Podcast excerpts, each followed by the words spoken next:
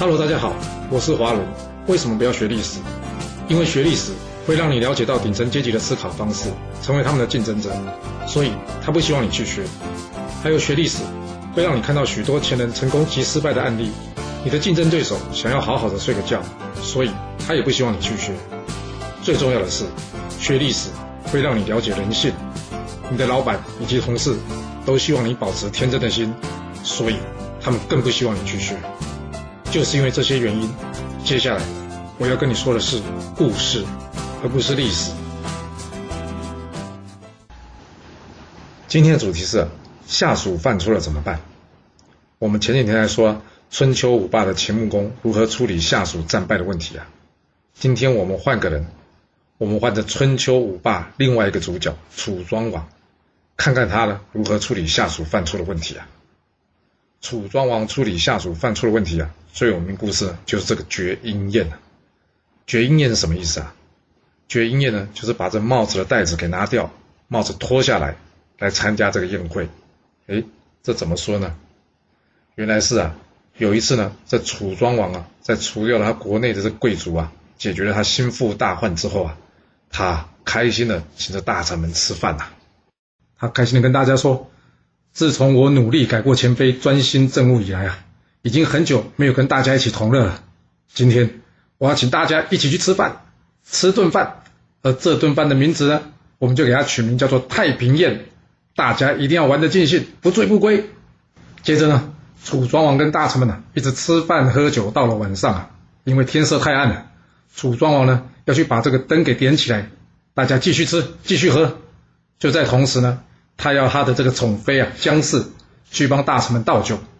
这大王的宠妃然后帮忙倒酒啊，这大臣们当然一定要起立迎接了。而就在这时候呢，突然间一阵怪风吹进了宫中，咻的一下把这灯火都吹灭了。这现场顿时之间啊，陷入一片的黢黑。楚庄王大叫：“来人，来人，赶快把这个灯给点上啊！”然而就在这时候，突然间有人伸出了咸猪手。偷摸着楚庄王的宠妃啊，而这姜氏呢，立刻怎么样？把手一甩，同时呢，用手一抓，就把这个人呢系帽子的这个带子啊给扯断了，然后扯下来了。接着呢，他来到楚庄王身边，跟楚庄王说：“大王，刚有人偷摸我，我已经把他系帽子带子给扯下来了。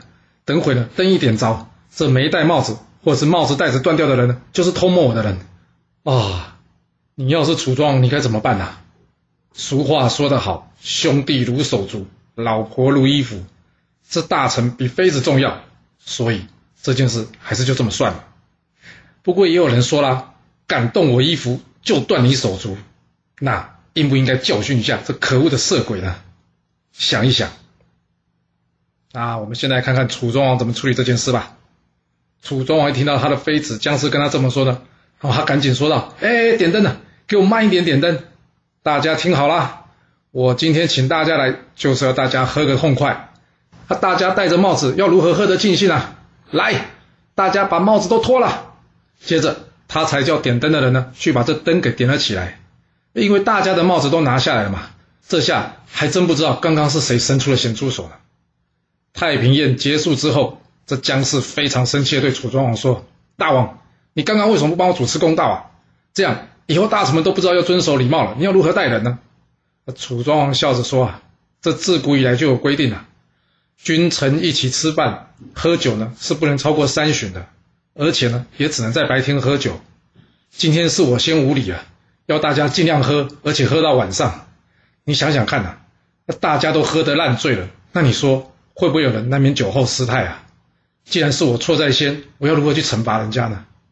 若是我去惩罚人家，虽然可以保护住你的名誉啊，但是却伤了大臣们的心。所以我当时想了一想，嗯，这样做实在不妥。总之呢，今天这件事委屈你了，还希望你多体谅一下。这姜氏一听呢，觉得楚庄王说的话也有点道理，所以呢，他也就不再多说什么了。说真的啊，古代呢，将女生当做附属品啊，本来就不太重视女性的。这楚庄王呢，就算是不说任何理由，也就是说呢，不处理这件事。我猜啊，这姜氏也很难说什么。后来啊，这位在绝缨宴中伸出咸猪手的人啊，为了报答楚庄王的不杀之恩啊，他在战场上拼死杀敌。最后呢，在楚庄王面前当众认错，谢谢楚庄王当年的不杀之恩啊。其实生活中呢，常常会遇到这下属或者朋友犯错的问题，而大多数的处理方式呢，也都是以什么处罚居多。毕竟呢，既然有规定在那，当然要执行啊。所以用处罚的方式啊，这不一定有错啊。不过古人也常常说，人情留一线，日后好相见嘛。可以的话呢，适时的化解对方无心之过，有时候是帮自己多留下了一些机会，你说是吧？若你有其他的想法，也欢迎你留言分享你的看法给大家哦。好啦，我们今天先说到这。如果你就是不听我的劝，想知道完整版的故事内容，你可以从说明栏找到我爱故事频道的连结。不过记住哦，你是来听故事的，而不是来学历史的。要是您喜欢这个频道，麻烦您动动您的手指，追踪、留言，或是给我五星评价的支持以及分享。谢谢您来收听，我们下次再见。